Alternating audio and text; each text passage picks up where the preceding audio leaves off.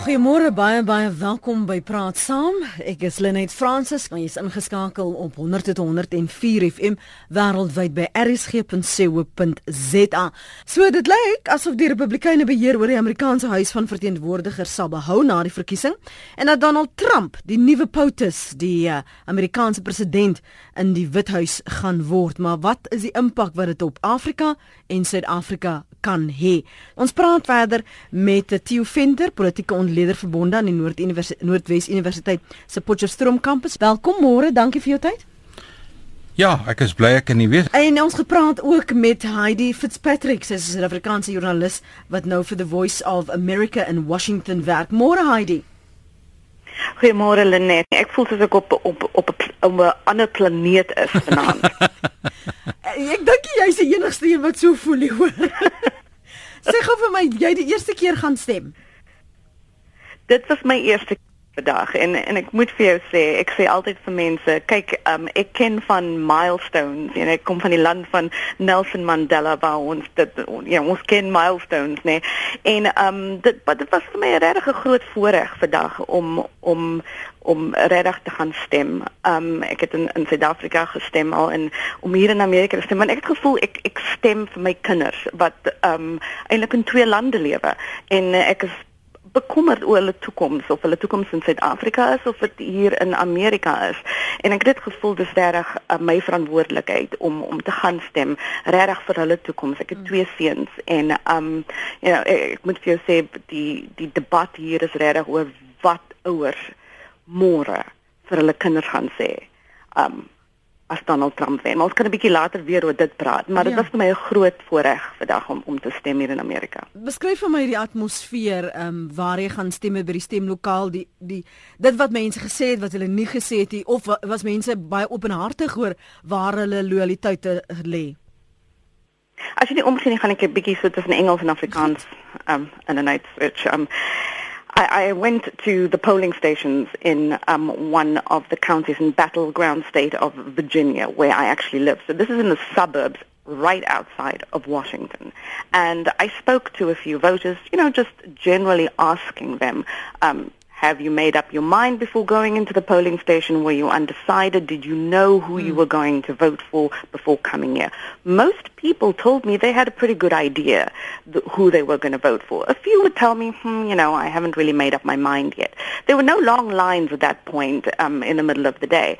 But I did run across quite a few people who came and said, I am so disgusted by both of these candidates that I'm voting for a third-party candidate. And that might be another key um, you know, news item here. What effect did the independent voter have? Both these candidates were trying to bring them to their side, the mm-hmm. independent voters, the undecided voters. It'll be interesting to see in coming days where exactly, who was the most successful in bringing undecided voters and independent voters um, into their fold. Mm. Ek gaan later vir vir Theo Venter, ek weet hy het 'n um, 'n uh, idee daaroor en dat dit daardie onafhanklike kandidaate juis ingedruis het teen die um, aan die ondersteuning wat Hillary Clinton moontlik sou kon kry. Die uitslae wys dat Trump moontlik die nuwe president gaan wees en jy het gesê ouers moet nou begin dink oor wat sê hulle vir hulle seuns of hulle dogters of môre. You know, um ek ek, ek lees na die kommentaar so um en iemand het nou net op op die televisie netwerk gesê, um wat sê ouers môre oggend kind of how do I tell my child not to be a bully? How do I how do I tell my child to do his homework? Um how do I tell him all those things when mm. someone who has done none of those things has come into the White House? That's one fear. But there are other fears. People who are immigrants, people who are Muslim, they are worried about their future in America and what the America, this land of opportunity, this land that they are trying to make their home, what will their future look like in the United States? En ek dink dit is waar baie mense vanaand bekommerd is en en um in die volgende paar um as ek seker gaan baie baie van hulle hoor.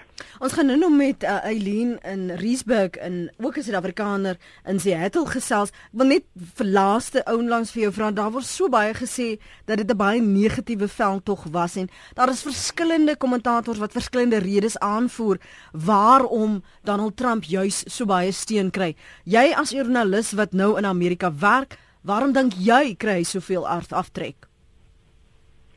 Ek kan weer vir jou in Engels sê, want ons lees so baie na die dan kommentaar en die stories hierso in Engels. Maar ek wil net vir jou sê, een van die um one of the headlines I'm seeing here um overnight is that for the Trump team this night was fight night. And for the Clinton team, it was fright night. Um, how did America's polling industry get their predictions so wrong? How did the public opinion polls that were showing a certain victory for Hillary Clinton get it so wrong? Donald Trump said this electoral election system is rigged. He said the media is rigged against him. Rigged is a word he would use, but what they certainly were was wrong about him. And so I think um, a lot of this um, was about turnout and about enthusiasm and about the blue collar um, white electorate and there were early predictors of a heavy turnout here in the U.S. Of course, as you know, people can vote before election day. They mm. can vote even by mail. And a record number did. More than 40 million people cast their ballots before election day. And we were watching that very closely as journalists. And that recipe seemed that it would favor Hillary Clinton. We're talking about women voters, Latino voters. What we're seeing for same day in-person person voting here today means that there may have been a record there as well of blue collar, white, non-college educated, angry voters who have been watching the American industry factories close here and have their jobs shipped overseas. Whether Trump is qualified or commander in for to be commander in chief for this country is not that important to them. But what is important to them is the fact that he has given voice to their frustration and to their rage. Um, and for them, it's about raging against the machine, and that worked out brilliantly for Donald Trump, as we're seeing now. Now, of course, um, you know it's not over until they call 270, but the trends are not looking good for Hillary Clinton right now. So I say, for vanaand Hillary Clinton ondersteuner is, as jy stom stom geslaan. Ek sien mense bars uit in trane by die konferensie sal in New York waar sy 'n oorwinningstoespraak sou sou maak. So Lenet, you know, um they said it's not over until the fat lady sings maar um dinge lyk nie goed vir Hillary Clinton nie. Dis die stem van Heidi Fitzpatrick, sy is 'n Afrikaanse joernalis wat nou vir die Voice of America in Washington werk. Ons praat ook met Eileen Riesburg, sy is 'n Afrikaner wat in Seattle in die FSA werk en ook tyd by die VN spandeer dit môre Eileen. Môre, hoe gaan dit met wel? Ek weet nie ja. wat julle gaan want ek luister na hierdie vorige gesprek. Weet jy vir my, ehm um, waar ek in die deelstaat Washington is, ehm um, is die gemoed ook gedemp. Ek was ook ehm um, jy weet tussen die kiesers, dat daar was geen lang lyne nie. Ehm um, niemand het eintlik gepraat oor vir wie hulle stem nie. So daar is in in die hierdie deelstaat is redelik introvert as jy dink aan New York as maar kies en dan jy weet this is the left coast as they call it.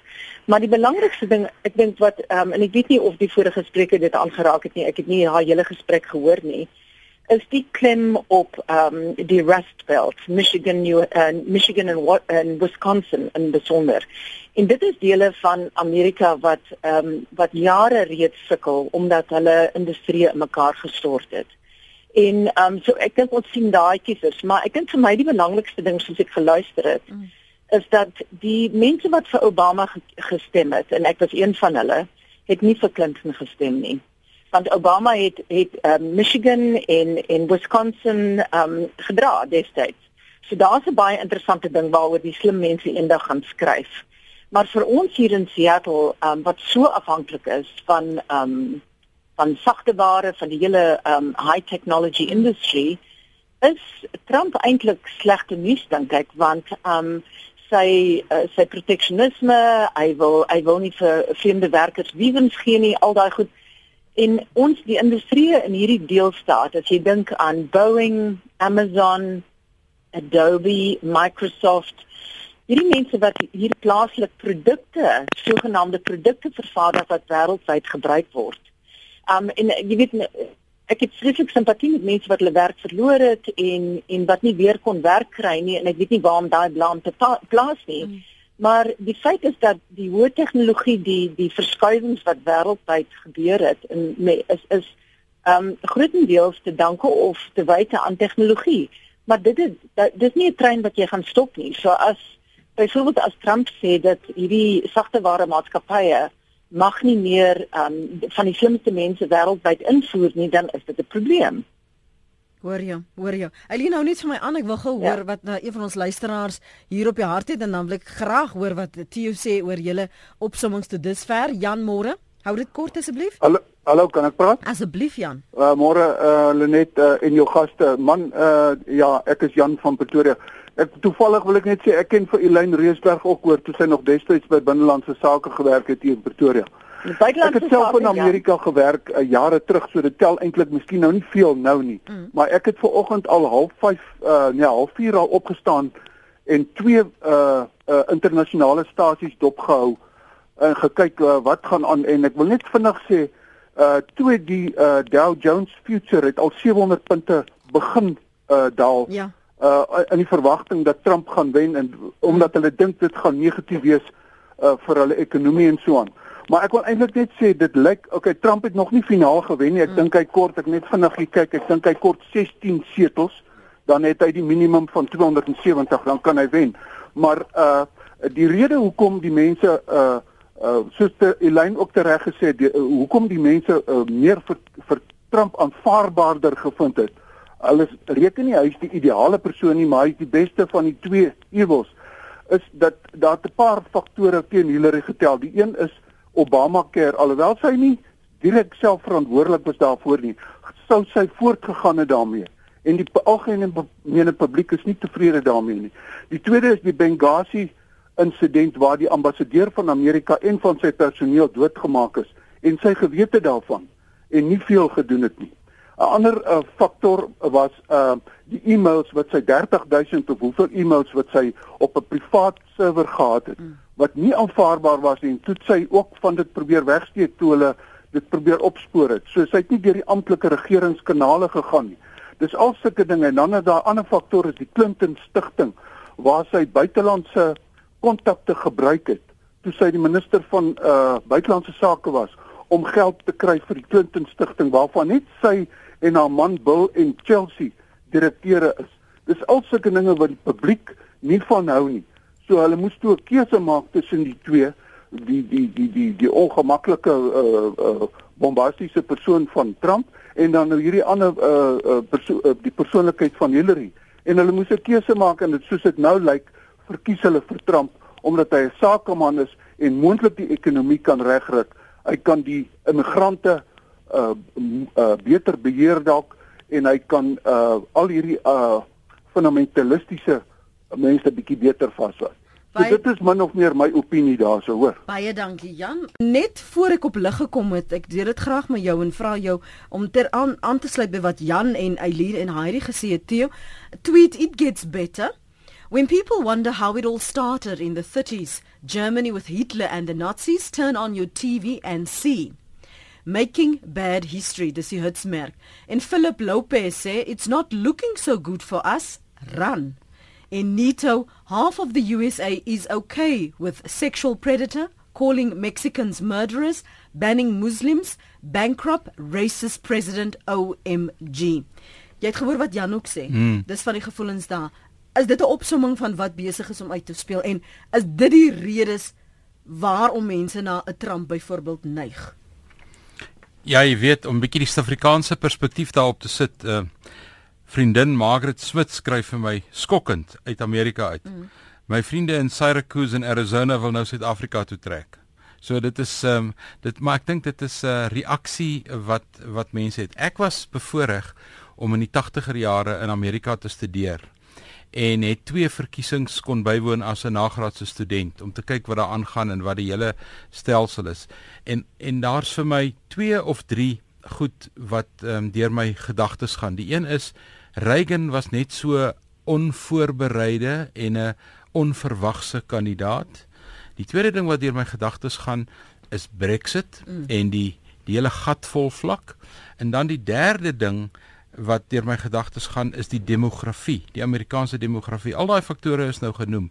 As mens net na die demografie kyk, hier's net twee of drie goeters ten opsigte ook van ons kollega wat eerste gepraat het. Die 18 tot 29 jariges het en mas vir Clinton gestem. 55% 52% en van hulle het net 37% 42% vir Trump gestem. So die jong mense het vir Clinton gestem breedweg gesproke. Van die 45 tot die 65 jariges het tussen 54 en 57% van hulle het vir uh, Trump gestem. Nou Amerika is 'n ouder wordende gemeenskap, 'n groot gemeenskap, so dis duidelik dat hierdie Middel-Amerika het ehm um, waarskynlik en en die Amerikaners gaan baie introspeksie doen oor wat nou hier gebeur het oor die laaste dag of twee. Het waarskynlik gestem weg van Clinton af as na Trump toe. Ek het met twee of drie mense in Amerika gepraat die laaste tyd baie om te hoor hoekom is die boodskap wat ek kry wanneer ek na CNN kyk en na ABC en hmm. CBS en as ek die Washington Post lees en die New York Times dan kry ek 'n Clinton boodskap. As ek op die sosiale media gaan en ek kry hierdie vreemde regse soort goeters, dan is dit Trump. Wat is dit wat ek nie sien nie? Mm. En is duidelik ehm um, dat ons nie eintlik Fox hoor in Suid-Afrika ja, ja. nie. Dat daar 'n ander boodskap is. Daar is ook regse radiostasies, daar is ook ander soort boodskappe wat ons nie gehoor het nie mm. wat hierdie gatvol faktor baie beter gedemonstreer het. En dit is uiteindelik het ons almal verwag dat die Britte gaan in die Europese Unie bly. Dit was die logiese ding om te doen. Mm. En hier gaan 52% van die Britte en hulle sê no ways. Mm -hmm. Ons wil uit. En hierdie faktor is nie net in Engeland aanwesig nie. Hy is in Amerika aanwesig, hy is in Suid-Afrika aanwesig. Die stemmery wat ons gehad het in die plaaslike verkiesing die 3 Augustus. Daar's 'n element van gatvolgheid.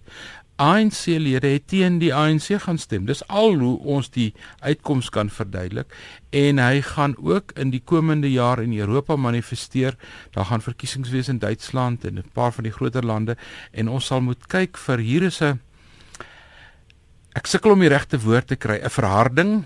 Ek wil dit nie 'n verregsing noem nie, want dit is nie altyd reg. Teruggryp wees kan 'n mens sê of nie dit ook nie. Ja ja, hier's hier's 'n teruggryp na na mense wat sê ons wil gereken word, ons word nie raak gesien nie, wat is ons rol?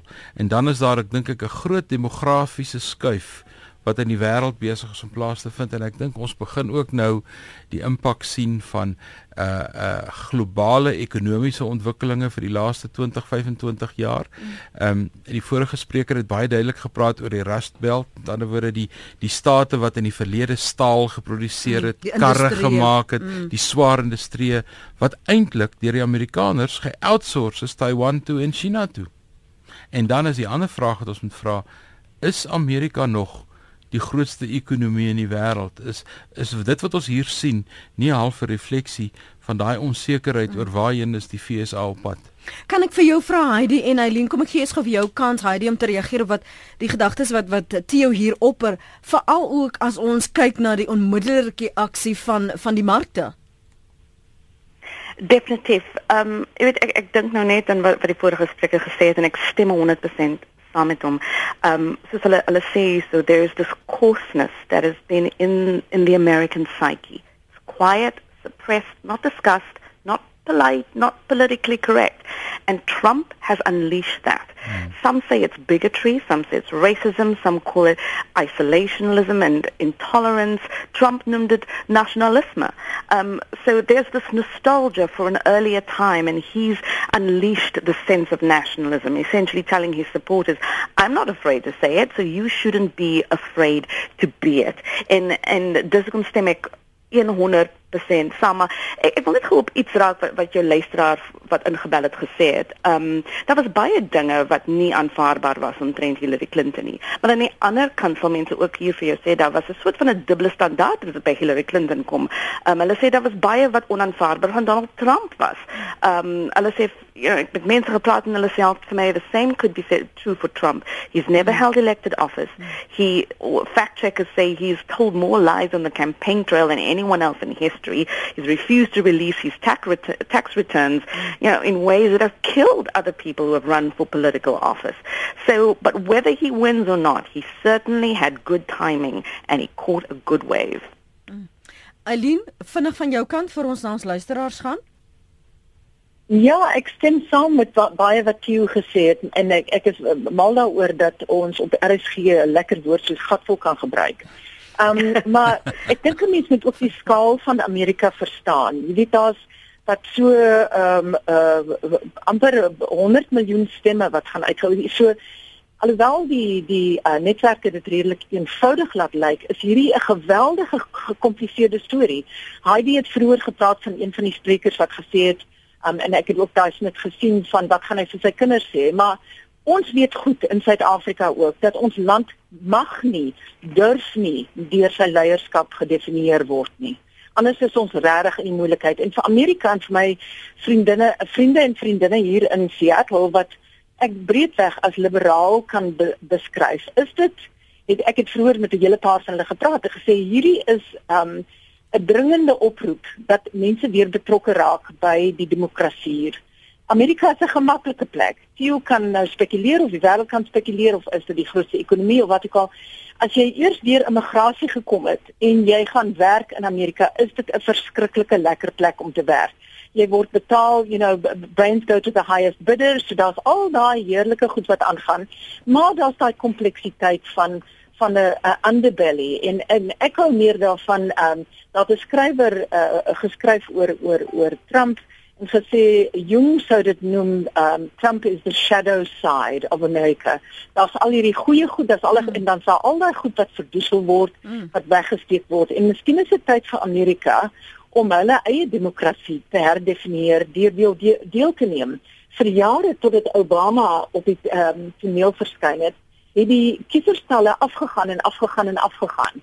Toe Obama ingekom en daai ding weer wakker gemaak en jy weet die mense weer betrokke geraak. So in Amerika as mense die demokrasie wil waardeer, gaan hulle weer met betrokke raak. Hulle kan nie net verwag dat daai mense in daai moras daar in Washington DC al die besluite maak nie.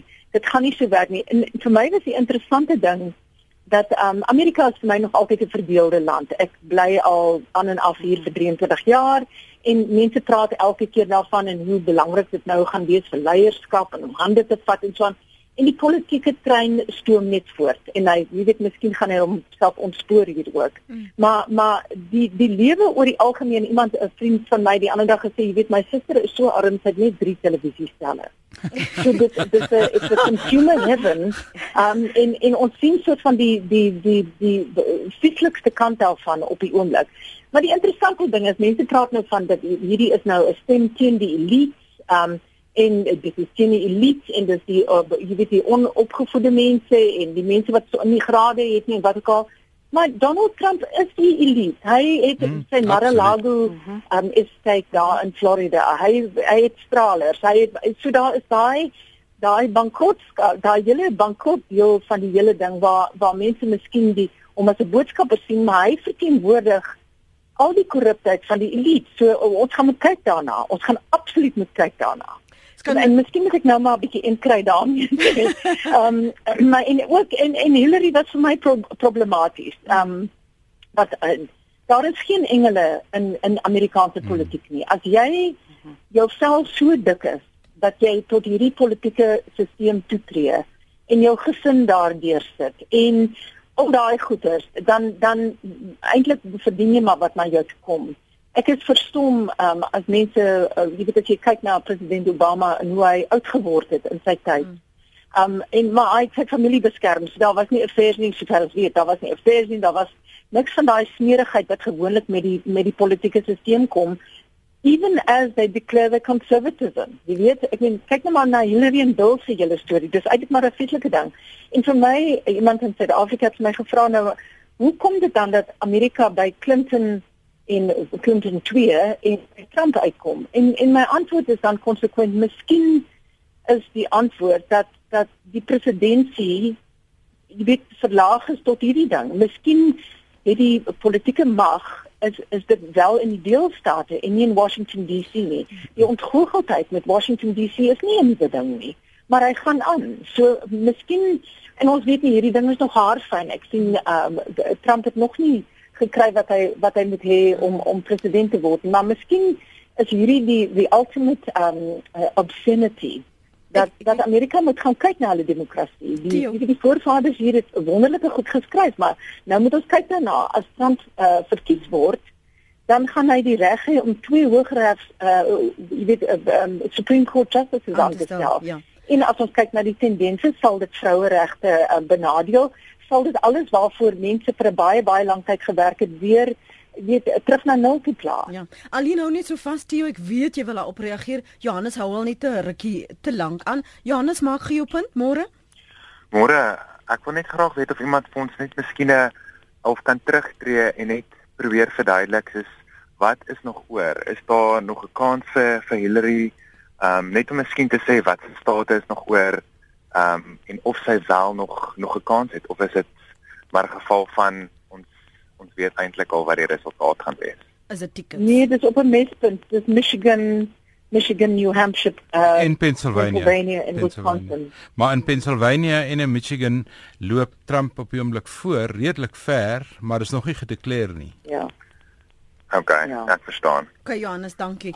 Ek weet jy wil reageer op wat Eileen gesê het, so kom, kom praat. Nee, wat ek net wou sê is hier's 'n faktor ek is nou 'n uh, 'n politikoloog wat 'n bietjie kyk na die na die prosesse en die en die lang paaie. Die uh die Amerikaanse presidentskap het 'n baie interessante verskynsel en dit is sedert die Tweede Wêreldoorlog veral toe uh, termyne beperk is na twee termyne van 4 jaar, met ander woorde net 8 jaar. Na FDR wat amper 12 jaar president was. Ehm um, het ons gekry dat sodra jy 'n president kry wat twee volle termyne dien, dan vind daar 'n verandering plaas. Ehm um, dit het gebeur na Reagan en dit het gebeur na Clinton. En die term wat ek dikwels gehoor het oor die laaste jaar uit Amerika uit was we need a cleaner. We need somebody that can clean it up. Met ander woorde, daar was 'n soeke na iets anders as Obama. Ek het gedink Obama is een van die beste presidente wat Amerika gehad het in was sedert die Tweede Wêreldoorlog. Minstens die beste spreker, orator wat hulle gehad het en waarskynlik 'n klein bietjie beter selfs as president Clinton wat self 'n goeie spreker was. Maar dit dit lyk vir my daar was 'n ek wil amper sê 'n politieke noodwendigheid van ons moet nou 'n verandering aanbring. En ek dink Trump was op die regte plek op die regte tyd en ek stem met die vorige sprekers 100% saam. Sy as jy kyk na wat alles in sy kas weggesteek is, dan was hy enige dag slegter af as Hillary. Maar Hillary het op 'n manier dink ek die albatros om haar nek gedra van een haar man en twee 'n voortsetting van die Obama situasie. En een van die belangrikste indikatore vir my dat hier 'n verandering gekom het was die verkope van vuurwapens. En dit het ek nie in Amerika gesien nie, ek het dit in Suid-Afrika gesien.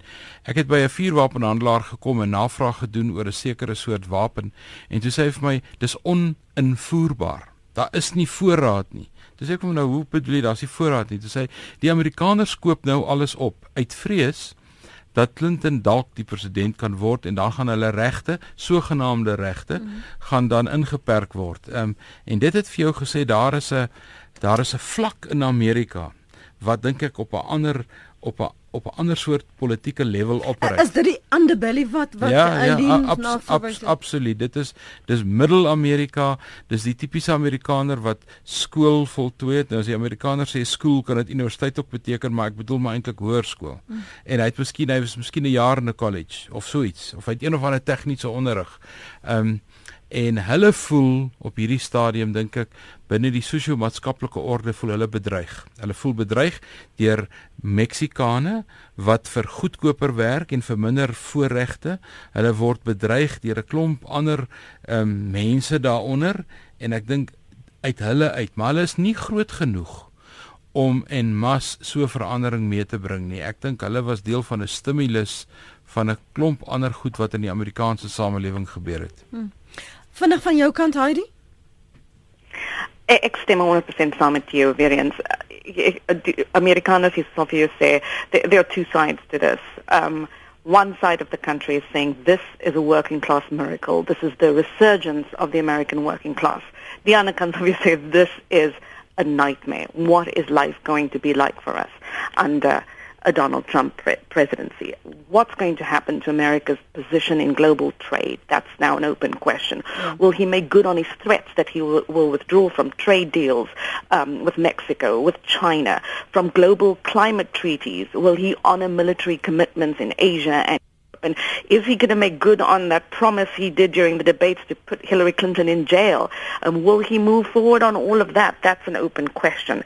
Um, on a political scale inside Washington, D.C., you know, if he wins, he's going to have a Congress with him, so he might be able to get things done from a partisan perspective. Mm. If Hillary Clinton still manages to pull out a win here, she's not going to have the Congress um, with her. TV networks are already predicting um, the Republican Party will hold on to at least one House of Congress, continuing. Um, um, you know, if, if, Hillary Clinton wins, it will continue America's tradition of Washington partisan mm-hmm. gridlock. So he might have a mandate and a position to do exactly what he said he is going to do. It's going to be very interesting to see if he sticks to to his word on that. Kom ons hoor gou wat het Johan op die hart hy al aan môre Johan. Net goeiemôre. Môre môre. Dink dat mense net mense is baie emosioneel op die oomblik oor hierdie storie. Ek dink mense moet vrede maak met die feit dat, dat Trump basies gaan wen of 'n persoon daarvan nou al dan nie. Ehm um, maar wat ons wat net belangrik is, ons het sit hier met 'n demokrasie. Ons het die voorreg om te argumenteer. Hou ons van die ou wat gewen het al dan nie in 'n demokratiese stelsel. Ek dink op hierdie stadium die emosie van die mense wil half oor het hardloop wat jy nie kan kry nie. Dieselfde soos in Brexit in Engeland en nou hier. Jy kan nie kry dat mense pas die event bet aan die horses nie. Uit gewen, daar's teenwigte in die Amerikaanse stelsel self ingebou vir hom. So gee dit 'n kans. Die realiteit en gepraat voor die tyd is nie altyd dieselfde nie. Suid-Afrika het net in 94 voor die verkiesing uitsprake gehad van mense wat gesê het hulle gaan nie hulle gaan die banke nasionaliseer. Dit het nie gebeur nie. Praktyk en realiseer is twee verskillende goeders. Stephen Mboweni het dit net gesê. Waar het hy geëindig? Die president van die Reservebank. Dit net om rustig maak. Laat die ding homself uitsorteer. Baie keer speel die ergste wêreldverwagting wat die mense het nie eens in die praktyk nie. Dankie.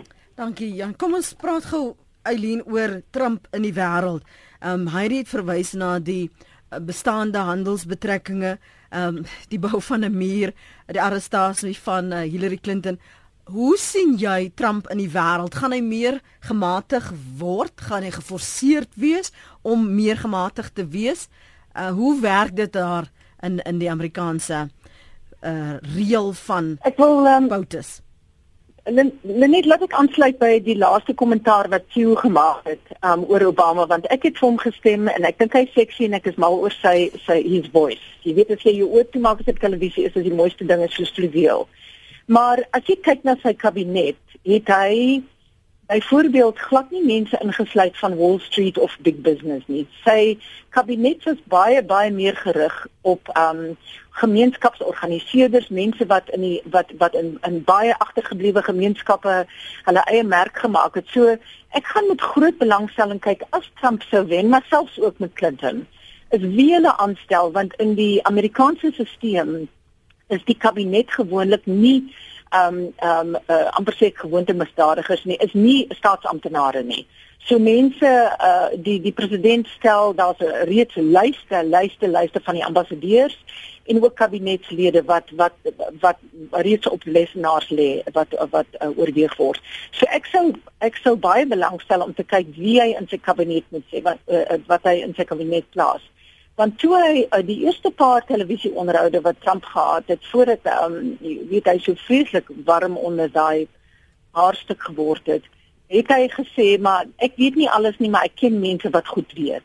Uh, en hy was hy was redelik uitgesproke daaroor. Ek hoef nie hierdie vraag te beantwoord nie want as ek sou president word sal ek 'n kenner aanstel om hierdie ding te hanteer daai portefeulje So ons moet kyk daarna. Maar Amerika is 'n geïsoleerde land. Dit is ehm um, dit is dit is 'n baie groot land. Uh, die laaste uh, keer wat ek gekyk het na die statistiek was dit net onder 10% van alle Amerikaners dra eers paspoorte, geldige paspoorte. So alhoewel ons oral Amerikaanse aksente hoor en miskien nou meer in die besonder in die Kaap na die Wêreldbeker, is dit 'n is dit 'n nasie wat nie verskriklik reis nie en iemand wat het een keer gesê toe hulle kyk na die die Eiffeltoring wat in Las Vegas um, daar op die strip gebou is well honey why do i need to go to paris it's mm. here so jy weet daai daar is daai mm. isolasie wat mense telkens jou kop teen stamp maar dis 300 miljoen mense se isolasie so ek weet nie of hulle daar uit wil kom nie ek wil net ook praat oor die meksikane want toe ek destyds by die VN was in New York in 1986 was dit die Koreane was die groot probleem maar die Koreane het die kafees en die en die supermarkies bedryf in in uh, Manhattan wat wat geen ander mens wat daai werk doen nie. En soos ek dit ervaar selfs hier in Seattle is die Meksikane die mense wat bereid is om die werk te doen wat Amerikaners nie wil doen nie. En dit is amper soos jy weet ons ons xenofobie in Suid-Afrika waar daar mense is van Zimbabwe en Malawi wat bereid is om werk te doen teen 'n loon wat die Suid-Afrikaners nie bereid is om te doen nie. En dit is hoe hierdie Amerikaanse ekonomie gewerk het. Jy weet die Koreane kom in, hulle werk hulle self op. Na tyd kry hy kry daai kinders graad en dan gaan hulle aan. So daar's 'n hele daai vernuwing van onder af op. Ehm um, ehm um, en daai ding gaan jy nie keer nie. Ek dink die Amerikaners het lankal besef dat daar is of hulle hulle propaganda in elk geval praat daaroor dat hulle hulle krag lê in daai melting pot. Mm. Want dit lyk vir my dat hierdie melting pot nou so gesmelt het dat hy weer in pole is. Mm. So ons gaan maar moet kyk wat hier no. gebeur want want daar gaan met hande gevat word mm. deur die leiers, ehm um, wie ook al dit is of 'n leier um, om om hierdie ding te te werk om om mense weer gemaklik te maak in Amerika. Daar is die ehm um, werkloosheidsyfer is die laagste in 20 jaar. So hierdie protesstem wat kom uit Middel en dis nie Middel-Amerika nie, dis die Rust Belt. Die Middel-Amerika ja, ja. was heeltemal op die ount voorstelbaar. Die onvoorstelbare ding was hier waar die swaar industrie gedisintermedieer is en mense gaan moet luister na daai mense. Maak nie saak wie die leier is. Weet jy ek het nou gekyk terwyl ons gepraat het gou. Dit lyk asof Hillary Clinton nog een staat kan toevoeg. Ehm um, dit lyk asof sy Minnesota wel ehm um, sal kan kan kry 10 10 elektorale mm. electoral votes maar dit lyk asof um, asof Trump beslis Pennsylvania gaan vat met 'n baie klein met 'n baie klein meerderheid en dit lyk ook of hy Wisconsin en dan is hy oor dan sy oor New Hampshire. In New Hampshire. Dan is hy oor die 270, ja. dan is hy president. En dan begin hierdie groot introspeksie wat ons nou gehoor het en dit gaan nou vir 'n baie lang tyd aanhou. Uh ek dink uiteindelik ook Trump gaan anders wees as die iemand het eendag gesê toe Dennis the Menace eendag groot geword het, het hy Trump geword. Ehm um, want die haartjies lyk dieselfde en daai soort van ding. En maar ek dink vir hom gaan dit 'n kultuurskok wees om agter te kom hoe ingeperk hy gaan wees in die Withuis.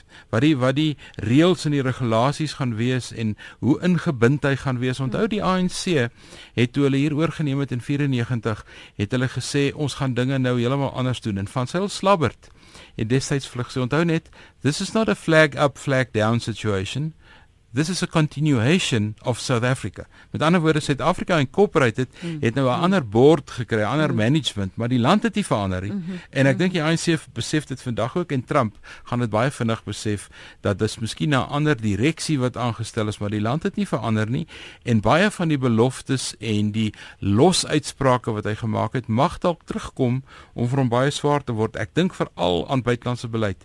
Sy verhouding met Putin En ek weet die Amerikaners stel nie baie belang in buitelandse beleid nie, maar die Amerikaanse buitelandse beleid is krities in die wêreldpolitiek. Kom ek hoor gou vinnig wat Johan te sê het in Durban. Hallo, hallo net. Hallo, ja, nee, ek ek wil net sê jy weet, dis Johan van Durban af Kilian. Donald Trump het baie dink aan 'n aan 'n Louis Light. Ek sê Louis Light wou aangevaar met 110% seker wees so die vader is om met die SMS. En selfs soos met White Bason, jy weet dit groot manne daai en hulle het net hulle het net daardie daardie daai wil en daardie energie om te doen wat hulle wil doen. Kyk ja, soos, soos wat sien nou gesê daar dinge wat hy, hulle gaan hom sê luister jy, jy wil dit graag dit doen, maar jy gaan nou nie dit so kan jy wees nou 'n bietjie meer besadig. en uh so ja, ek dink nog Donald Trump gaan sy ding doen daar, maar soos jy ook nog gesê het, hy gaan nie sommer net kan maak en sê wat hy wil. Hy gaan nou klomp raadgewers om sê om hom mee wat vir hom gaan sê luister. OK, dis jou punt wat jy wil maak, maar kom ons stel die punt 'n bietjie anders en miskien 'n bietjie sagter en nie so haas soos wat jy dit sou miskien nie. Maar jy sien as jy nou dink aan die raadgewers wat gewaai het tydens die veldtog, dan vra jy jouself af nou wie luister hy? Alles klaar gaan. sien jy? dit dit is wat my bekommer. Ek wil gou met julle twee in in in in eh, in Amerika verder gesels. Kom ons praat net vir 'n oomblik Heidi oor meningspeilings en media.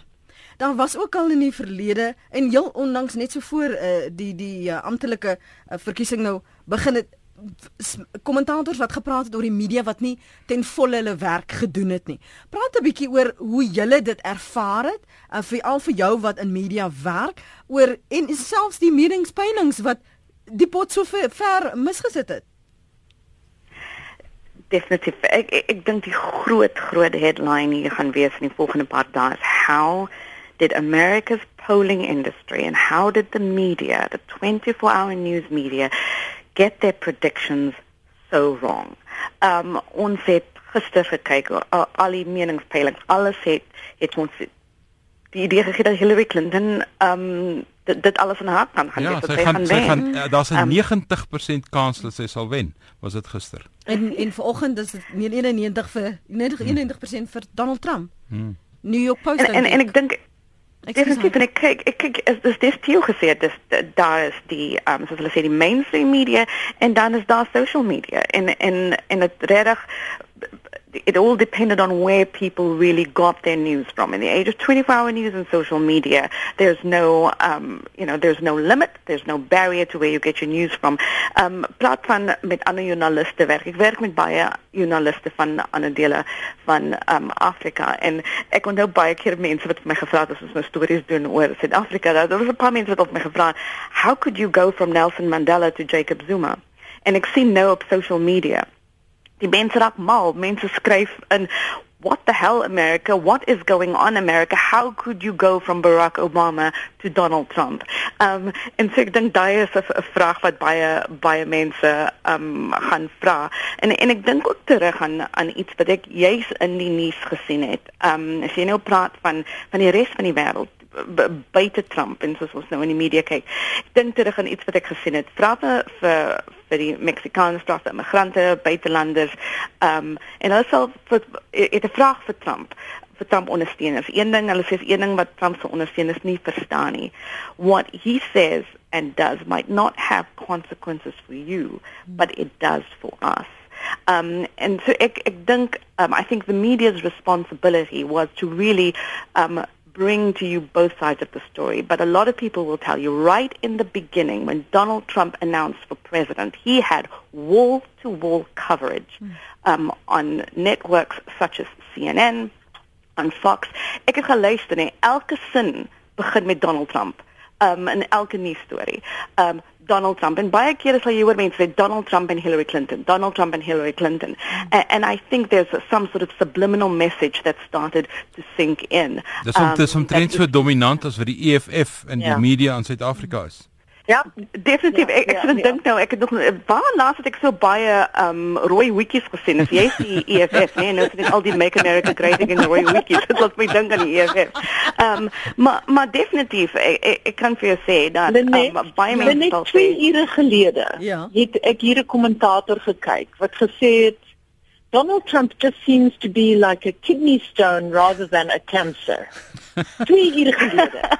Oh, jy weet, so dit hoe vinnig hierdie goeders gebeur en ja, die media is aandadig, but they didn't get it that wrong, die meningspeilings. Mm. Op die ouend gaan dit 'n paar persentasiepunte wees. They didn't get it that wrong. The, you know, we just chose to to believe that Trump was a buffoon and that Clinton, unpopular as she was, is, is the better option. Kyk baie mooi, they didn't get it that wrong. Meningspeilings het altyd daai marge, daai daai marge wat kan so dit dis nie asof hulle 90% margin of error. Ja. Eileen, die die verknogtheid, die verknogtheid aan die uitsprake, dis vir my die probleem. Mm. Maar vinnig, ek moet nou terugkom na maar na Tee toe, maar ek wil net vinnig jou opinie hoor oor Melania as 'n first lady. Oh, yes.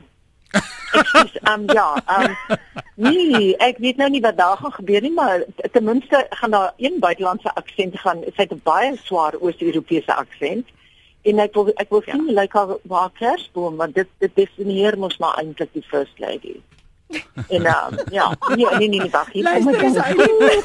Dit was 'n laag. Net net net Coco, you know, she made rare, very rare campaign appearances yeah. and yeah. last week she made one of those rare appearances and she talked about cyberbullying, giving an indication that this is going to be her cause as first lady.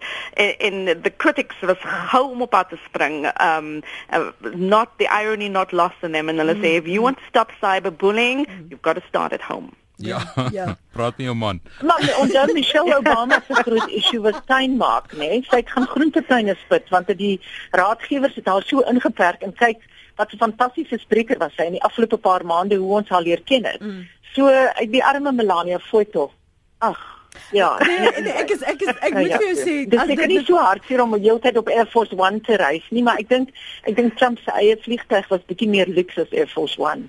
So dankie julle dames want man ek sien ek ek het die die winter jou seile uitgeneem daar's 'n Eileen ek het lanklaas vir, vir jou se oop bek lus en lag die Maar la la dit vir Suid-Afrika Melania sal alright wees. Melania sal alright wees. Haar lewe kan nou net beter word. Kom ek hoor gou weer Kom ek sê vir jou uh, Trump is Trump is iets Trump is iets van 'n Afrika Afrika pessimis. So ek het 'n idee die Trump administrasie, hulle sal nie die AGOA wetgewing verander en sulke goeters nie, maar ek dink hulle gaan 'n moeiliker you, verhouding you. Nixon went to China. in in met in met Suid-Afrika. Nixon went al. to China. Reagan worked with Gorbachev. Mm, mm. So ou wat baie min van 'n onderwerp af weet, kan miskien nog oortuig word. Mm.